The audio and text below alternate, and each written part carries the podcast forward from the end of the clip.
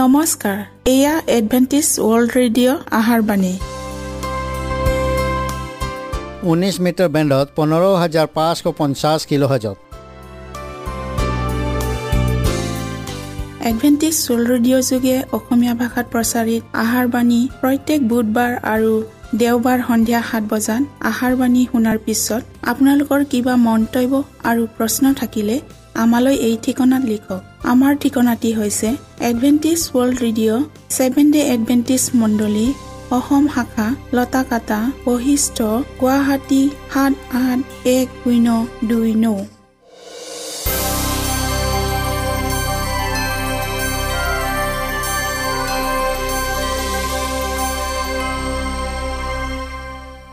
প্ৰিয় শ্ৰোতা বন্ধুসকল এতিয়া শুনো আহক এটি খ্ৰীষ্টীয় ধৰ্মীয় গীত।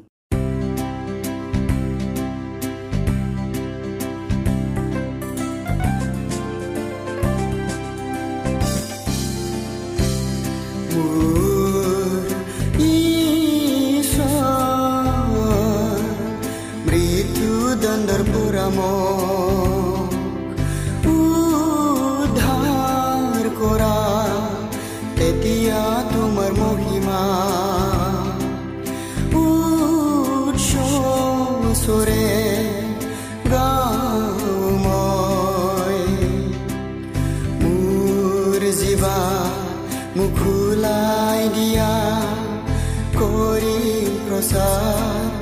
তোমার গৌরব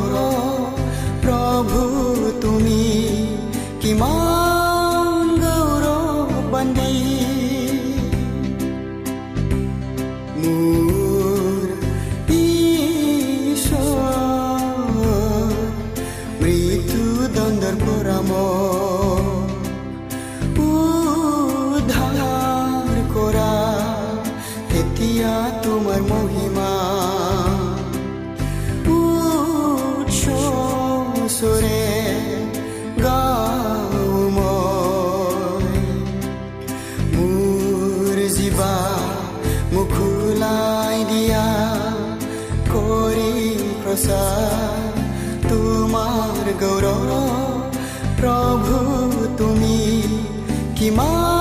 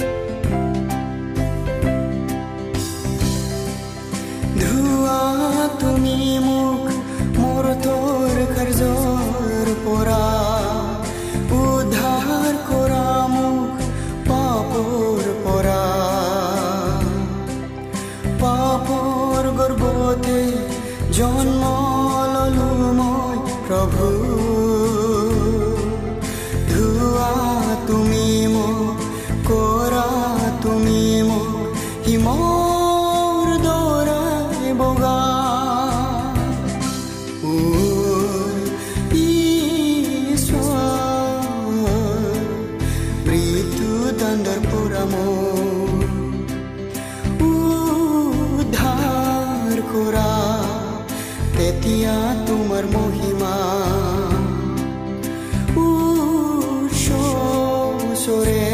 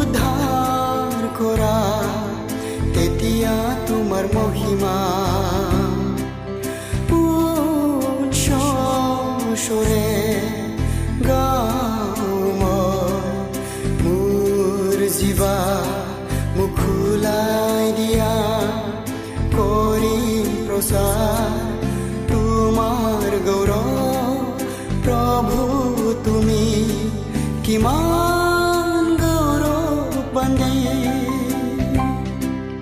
প্ৰভু তুমি কিমান গৌৰৱ বান্ধি প্ৰভু তুমি কিমান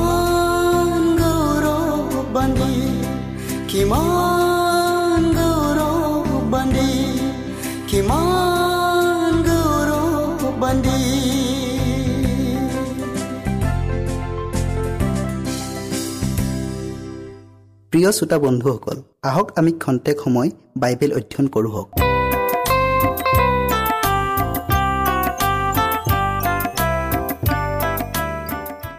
আজি আমি প্ৰকাশিত বাক্যৰ ষষ্ঠ খণ্ড আলোচনা কৰোঁ হওক।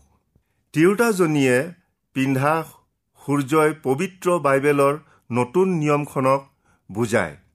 মূৰত পিন্ধা বাৰটা তৰাই অনেকৰ মতে ইছৰাইলৰ বাৰজন বৃদ্ধক নাইবা খ্ৰীষ্টীয়ৰ বাৰজন শিষ্যক বুজায় বা দুয়োটা ব্যাখ্যাই শুদ্ধ হ'ব পাৰে। ভৰিৰ তলত থকা চন্দ্ৰই মুচিৰ বিধানক বুজায়। চন্দ্ৰৰ নিজা পোহৰ নাই কিন্তু ই সূৰ্যৰ পৰা পোহৰ পায় সেই পোহৰ আমাৰ আগত প্ৰতিফলিত হয়। ঠিক সেইদৰে ঐশ্বৰিক সম্বন্ধে মুচিৰ বিধানৰ নিজা একো প্ৰভাৱ নাই। কিন্তু সেইবোৰ খ্ৰীষ্টীয়ৰ ছাঁ স্বৰূপেহে আছিল আৰু নতুন নিয়মত খ্ৰীষ্টীয়ক আমাৰ আগত প্ৰকাশ কৰি দেখুৱাইছে। এই মণ্ডলীক খ্ৰীষ্টীয়ৰ জন্মৰ সময়ত দেখুওৱা হৈছে। সাতোটা মূৰৰ অৰ্থ বাবিল মাদীয় পাৰস্য গ্ৰীচ বিধৰ্মী ৰোম আৰু ধৰ্মীয় ৰাজনৈতিক শক্তি যাক পাঁচশ আঠত্ৰিছ খ্ৰীষ্টাব্দৰ পৰা চূড়ান্ত অধিপত্য বিস্তাৰ কৰা পুপীয় ৰোম বুলি জনা যায়। ষষ্ঠ আৰু সপ্তম মূৰ দুটাৰ বিষয়ে পৰৱৰ্তী তেৰ আৰু সোতৰ অধ্যায় দুটাত আলোচনা কৰা হ'ব। দানিয়েল সাত অধ্যায় আৰু প্ৰকাশিত বাক্যৰ তেৰ অধ্যায় আৰু সোতৰ অধ্যায়তো দহোটা শিঙৰ বিষয়ে উল্লেখ আছে। এই দহোটা শিঙেই ৰোমৰ দহোটা বিভক্ত হোৱা ৰজা বা ৰাজ্য। আৰু এই ৰজাসকলৰ শাসনকালতেই আমাৰ ত্ৰাণকৰ্তা প্ৰভু যীশু খ্ৰীষ্টীয়ৰ জন্ম হৈছিল। নাগাই ঈশ্বৰৰ মণ্ডলীক গ্ৰাস কৰিবলৈ উদ্যত হলেও তেওঁ নিজ পবিত্ৰ মণ্ডলীৰ প্ৰতি ৰক্ষণাবেক্ষণৰ ঠাই যুগুত কৰি থৈছিল। এই সময়ছোৱা আছিল এক হাজাৰ দুশ তিনিকুৰি দিন বা বছৰ। অৰ্থাৎ পাঁচশ আঠত্ৰিছ খ্ৰীষ্টাব্দৰ পৰা সোতৰশ আঠানব্বৈ খ্ৰীষ্টাব্দলৈ। শাস্ত্ৰত কৈছে আৰু সৰ্গত যুদ্ধ হ'ল। জগত সৃষ্টিৰ পূৰ্বেই সৰ্গত লুচিফৰ বা প্ৰভাতীয় তৰাই বৰ্তমান ছয়তান নামেৰে জনাজাত ঈশ্বৰৰ প্ৰতি দুৰ্ঘোৰ বিদ্ৰোহ আৰম্ভ কৰিছিল। কিন্তু ঈশ্বৰে ছয়তান বা ৰঙা নাগ আৰু তাৰ লগৰীয়াবিলাকক সৰ্গৰ পৰা পৃথিৱীলৈ পেলাই দিলে। জোহনৰ দুটা অদ্ভুত পহুৰ দৰ্শন। সাগৰৰ অৰ্থ জনসমুদ্ৰ বা জনগণ। দহোটা শিং আৰু সাতোটা মূৰৰ বিষয়ে পূৰ্বৱৰ্তী অধ্যায়ত আলোচনা কৰা হৈছে। সেই পহুটোৰ মূৰত ঈশ্বৰ নিন্দাসূচক নাম কিছুমান আছিল। জোহনে পহুটো নাহৰ ফুটুকীয়া বাঘ ভালুকৰ নিচিনা ভৰি সিংহৰ নিচিনা মুখ থকা বুলি কৈছে। ইয়াৰ দ্বাৰাই জানিব লাগে যে সিংহ অৰ্থ হৈছে বাবিল ভালুকৰ অৰ্থ হৈছে মাদীয় পাৰস্য আৰু নাহৰ ফুটুকীয়া বাঘৰ অৰ্থ হৈছে গ্ৰীচ। দেশৰ কিছু কিছু প্ৰভাৱ তেতিয়াও আছিল। অৰ্থাৎ ৰোম সাম্ৰাজ্যটো সেই পূৰ্বৱৰ্তী ৰাজ্যবোৰৰ কিছু নীতি নিয়ম তেতিয়াও বৰ্তি আছিল। সাতোটা মূৰ অৰ্থাৎ ঈশ্বৰৰ লোকবিলাকক তাৰণাকাৰী যুদ্ধপ্ৰিয় জাতি আছিল। প্ৰথম মূৰ মিছৰ। ঈশ্বৰৰ লোকবিলাকৰ তাৰণা কৰিছিল। দ্বিতীয় মূৰ অচুৰীয়া। ঈশ্বৰৰ লোকবিলাকক তাৰণা কৰিছিল আৰু ইছৰাইলৰ দহোটা ফৈদক বন্দী কৰি লৈ গৈছিল। তৃতীয় মূৰ বাবিল। যিহুদীবিলাকক বাবিললৈ বন্দী কৰি লৈ গৈছিল। চতুৰ্থ মূৰ। হামনৰ অধীনত পাৰস্যৰ শাসনকৰ্তাই যিহুদীবিলাকৰ প্ৰতি বিৰুদ্ধাচৰণ কৰি সিবিলাকৰ নিধন যজ্ঞৰ আঁচনি তৈয়াৰ কৰিছিল। পঞ্চম মূৰ আন্টিঅচাছ ইপিফানিছৰ সময়ৰ ঈশ্বৰৰ লোকবিলাকক ঈশ্বৰৰ সলনি সম্ৰাট উপাসনা কৰিবলৈ বাধ্য কৰাইছিল। ষষ্ঠ মূৰ ৰোমে হেজাৰ হেজাৰ ইহুদী হত্যা কৰিছিল। সপ্তম মূৰ। বিধৰ্মী ৰোমৰ পৰা পুপীয় ৰোম অৰ্থাৎ ধৰ্মীয় ৰাজনৈতিক মণ্ডলীৰ উদ্ভৱ হ'ল। পূৰ্বৰ ছয়টা মূৰৰ দৰে পুপীয় মণ্ডলীয়েও ঈশ্বৰৰ বিশ্বাসীবিলাকক তাৰণা কৰিছিল। নিৰ্মম হত্যালীলা চলাইছিল। এই অধ্যায়ৰ মূল বিষয় হৈছে ঈশ্বৰ নিন্দা বা বিৰোধ। দৰ্শনত জোহনে পহুটোৰ সাতোটা মূৰৰ ভিতৰত এটা মূৰ মৰাকৈ কটা যেন দেখিলে। অৰ্থাৎ সোতৰশ আঠানব্বৈ খ্ৰীষ্টাব্দত ফ্ৰান্সৰ নেপোলিয়নৰ আদেশত তেওঁৰ সেনাধ্যক্ষ বাৰ্থিয়াৰে ৰোমৰ পূপক বন্দী কৰি লৈ গ'ল। আৰু ইয়াৰ কিছুদিনৰ পাছত দুখে বেজাৰে জৰ্জৰিত হৈ বন্দী অৱস্থাতে পূপৰ মৃত্যু হ'ল। ইয়াকে জোহনে দৰ্শনত মূৰবোৰৰ এটা মৰাকৈ কটা যেন দেখিছিল। কিন্তু সেই মৃত্যুজনক ঘা সুস্থ কৰা হ'ল। অৰ্থাৎ ওঠৰশ খ্ৰীষ্টাব্দত নিৰ্বাচনৰ দ্বাৰাই আন এজন পূপক প্ৰতিষ্ঠা কৰিলে আৰু ঊনৈছশ ঊনত্ৰিছ খ্ৰীষ্টাব্দৰ ফেব্ৰুৱাৰীত ৰোমৰ ভিতৰতে ভেটিকান চিটি নামৰ ঊনৈছশ ন একৰ মাটিত পূপে বিশেষভাৱে নিজাববীয়াকৈ স্বত্বাধিকাৰ কৰিলে। ইয়াকেই দৰ্শনৰ দ্বাৰাই সেই মৃত্যুজনক ঘা সুস্থ কৰা হ'ল বুলি কোৱা হৈছে। হেজাৰ হেজাৰ বছৰৰ পূৰ্বেই মুচিৰ বায়েক মিৰিয়াম আৰু তেওঁৰ লগৰীয়াবিলাকে সৰ্বশক্তিমান ঈশ্বৰৰ প্ৰশংসা কৰিছিল। কিন্তু এতিয়া পূব জগতত ঈশ্বৰৰ প্ৰতিনিধি আৰু দ্বিতীয় ঈশ্বৰ যিবিলাকৰ নাম জীৱন পুস্তকত নাই সিবিলাক আটাইয়ে এই কথাত আচৰিত মানি পূপক প্ৰণিপাত কৰিলে। ঈশ্বৰ নিন্দাসূচক বাক্য দুকুৰি দুমাহ পূৰ্বৰ অধ্যায়বিলাকত আলোচনা কৰা হৈছে। এই দ্বিতীয় পহুটো জোহনে দৰ্শনত পৃথিৱীৰ পৰা উঠা দেখিলে। ভাওবাদী জনাই এই পহুটোৰ কেইবাটাও কাৰ্য তেজস্বী ক্ৰিয়াৰে সমাধান কৰা দেখুৱাইছে। নাগৰ নিচিনা কথা ক'ব। প্ৰথম পহুৰ আটাই ক্ষমতা ব্যৱহাৰ কৰে। আটাইকে প্ৰথম পহুটোক প্ৰণিপাত কৰিবলৈ বাধ্য কৰায়। নানা মহৎ চিন দেখুৱায়। মানুহৰ মাজত ভ্ৰান্তি জন্মায়। পহুৰ মূৰ্তিটোক প্ৰণিপাত কৰিবলৈ অবাধ্য হোৱাবিলাকক বধ কৰে। পহুৰ মূৰ্তিটোক প্ৰাণবায়ু দিলে। আটাইকে প্ৰভুৰ চাপ ল'বলৈ বাধ্য কৰালে। প্ৰথম পহুটো আছিল পুপীয় ক্ষমতা আৰু দ্বিতীয় পহুটো আমেৰিকা যুক্তৰাষ্ট্ৰ। ৰোমান কেথলিক মণ্ডলীত ধৰ্মীয় স্বাধীনতা নাই। পূব আৰু গীৰ্জাৰ পুৰোহিতসকলেই সৰ্বে সৰ্বা।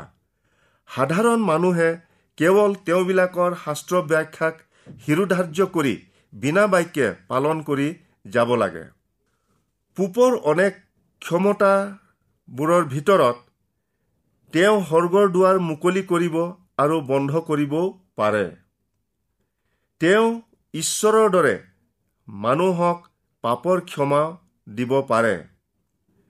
তেওঁ মানুহক পাৰ্গেটৰী অশাস্ত্ৰীয় কাল্পনিক নৰক তাৰ পৰা উদ্ধাৰ কৰিব পাৰে ইত্যাদি।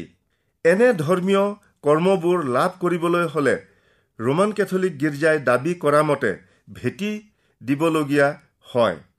উপৰোক্ত আটাই কাৰ্যবোৰৰ উপৰিও ঈশ্বৰৰ পবিত্ৰ বিশ্ৰামবাৰৰ পৰিৱৰ্তে দেওবাৰ দিন পালন কৰিবলৈ বাধ্য কৰোৱাটো ৰোমান কেথলিক মণ্ডলীৰ আন এটা অতি ক্ষমতাযুক্ত কাৰ্য। পূপেই জগতত ঈশ্বৰৰ প্ৰতিনিধি আৰু দ্বিতীয় ঈশ্বৰ তেওঁ অভ্ৰান্ত অৰ্থাৎ কেতিয়াও ভুল কৰিব নোৱাৰে। আৰু নিষ্কলংক এই আইন ওঠৰশ সত্তৰ খ্ৰীষ্টাব্দত বলবৎ কৰা হয়। ছয়শ ছয়ষষ্ঠি সংখ্যাটো গণনা কৰিলে পূপৰ মূৰত পিন্ধা লেটিন ভাষাত টিয়াৰা তিনি খলপীয়া বন কৰা টুপিৰ আগত লেটিন ভাষাত পূপেই জগতত ঈশ্বৰৰ প্ৰতিনিধি আনহাতে কেথলিক মণ্ডলীৰ দৃশ্যমান ঈশ্বৰ বুলিও ক'ব পাৰি। এই সংখ্যাৰ কেইটাৰ যোগফল ছয়শ ছয়ষষ্ঠি। এয়া ৰোমান কেথলিক মণ্ডলীৰ পূব আৰু পূপৰ অধীনত থকা আৰু তেওঁৰ আজ্ঞা মনাবলাকৰো নম্বৰ বা চাব।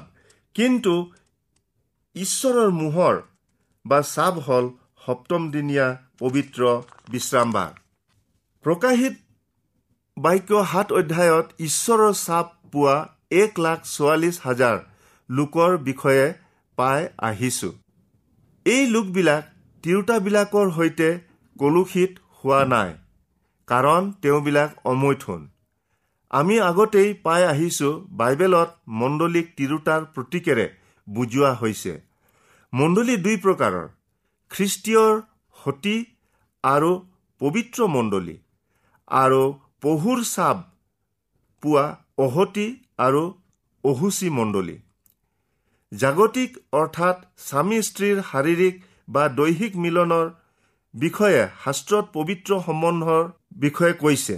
কিন্তু ইয়াত আত্মিক ব্যৱচাৰৰ বিষয়েহে কৈছে। এই লোকবিলাকে মানুহে স্থাপন কৰা বা পহুৰ নম্বৰ পোৱা অহতি মণ্ডলীৰ ভুল শিক্ষাৰ পৰা নিজকে পৃথক কৰি ৰখা বুজাইছে। এওঁলোকে খ্ৰীষ্টীয়ৰ পৰা পোৱা শিক্ষা বা আজ্ঞাৰ বাহিৰে আন আন দলসমূহৰ সজাই লোৱা শিক্ষা আনক নকব। যিবিলাক খ্ৰীষ্টীয়ৰ মণ্ডলীৰ নহয় সেইবিলাকৰ বিষয়ে খ্ৰীষ্টই ফলহীন গছ বুলি কৈছে। তিনিজন স্বৰ্গদূতৰ অনন্ত সুবাৰ্তা ঘোষণা আকৌ আমি মনত কৰা উচিত হ'ব যে এই তিনিজন স্বৰ্গদূত প্ৰকৃত স্বৰ্গদূতক বুজোৱা নাই। কেৱল দৰ্শনত প্ৰতীক ৰূপে দেখুওৱা হৈছে। প্ৰকৃতাৰ্থত জগত শেষ হোৱাৰ পূৰ্বে এই অনন্ত সুবাৰ্তা খ্ৰীষ্টীয়ৰ শেষ বা অৱশিষ্ট মণ্ডলীৰ দ্বাৰাইহে প্ৰচাৰ কৰা হ'ব ইয়াকেহে বুজাইছে।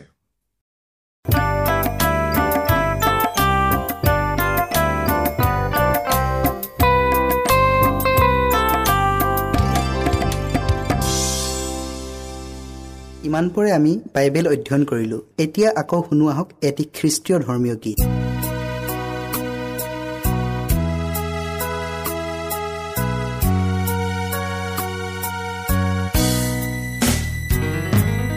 নতুন পৃথিৱী নতুন দিন নতুন সপোন দেখিবলৈ দিলা। নতুন পৃথিৱী নতুন দিন নতুন সপোন দেখিবলৈ দিলা পুৰণি দিন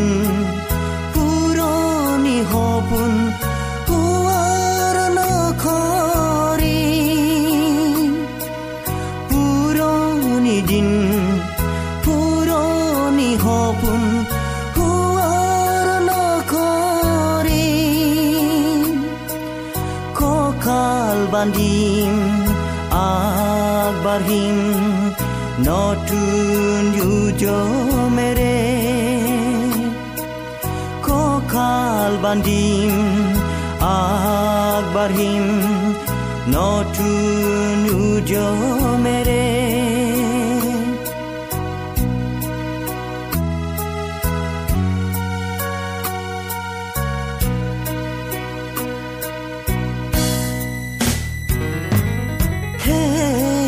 প্ৰভু শক্তি দিয়া হে প্ৰভু শক্তি দিয়া দিন যেন নাযায় অথলে সপোন যে নাযায় বিফলে দিন যেন নাযায় অথলে নাযায় বিফলে এখোজে নাগবাঢ়িম ধৰ্ম পথ এখোজে নাগবাঢ়িম ধৰ্ম পথ শক্তি দিয়া প্ৰভু শক্তি দিয়া দিন যেন নাযায় অথলে। শক্তি দিয়া প্ৰভু শক্তি দিয়া। দিন যেন নাযায় অথলে নতুন পৃথিৱী নতুন দিন নতুন সপোন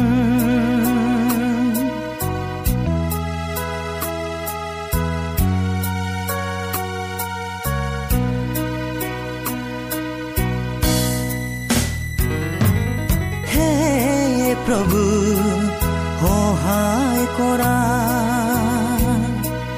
হে প্ৰভু সহায় কৰা দিন যেন নাযায় অথলে আহা যে নাযায় বিপলে। দিন যেন নাযায় অথলে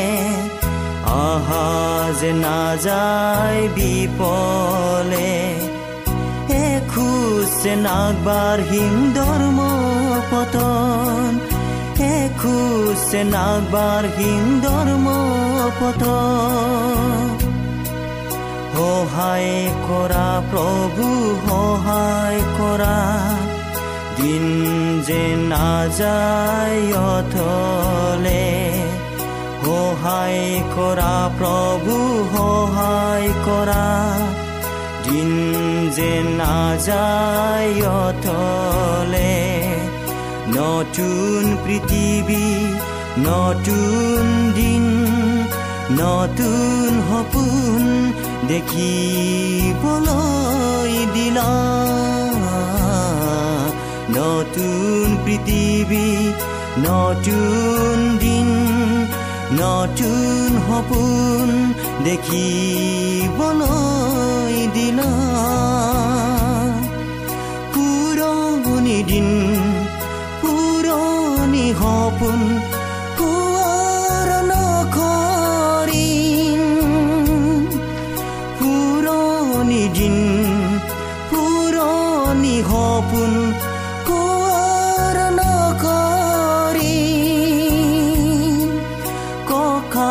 কঁকাল বান্ধিম আগবাঢ়িম নতুন উজমেৰে কঁকাল বান্ধিম আগবাঢ়িম নতুন উজমেৰে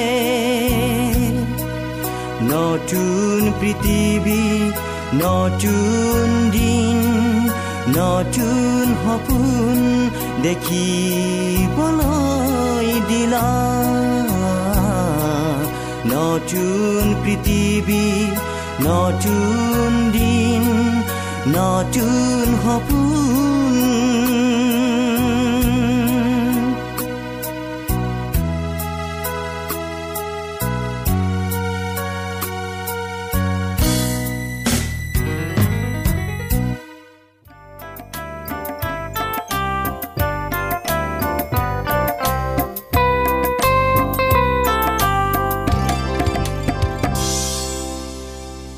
ৰাখিব আমাৰ ঠিকনাটি পুনৰ কৈ দিছোঁ।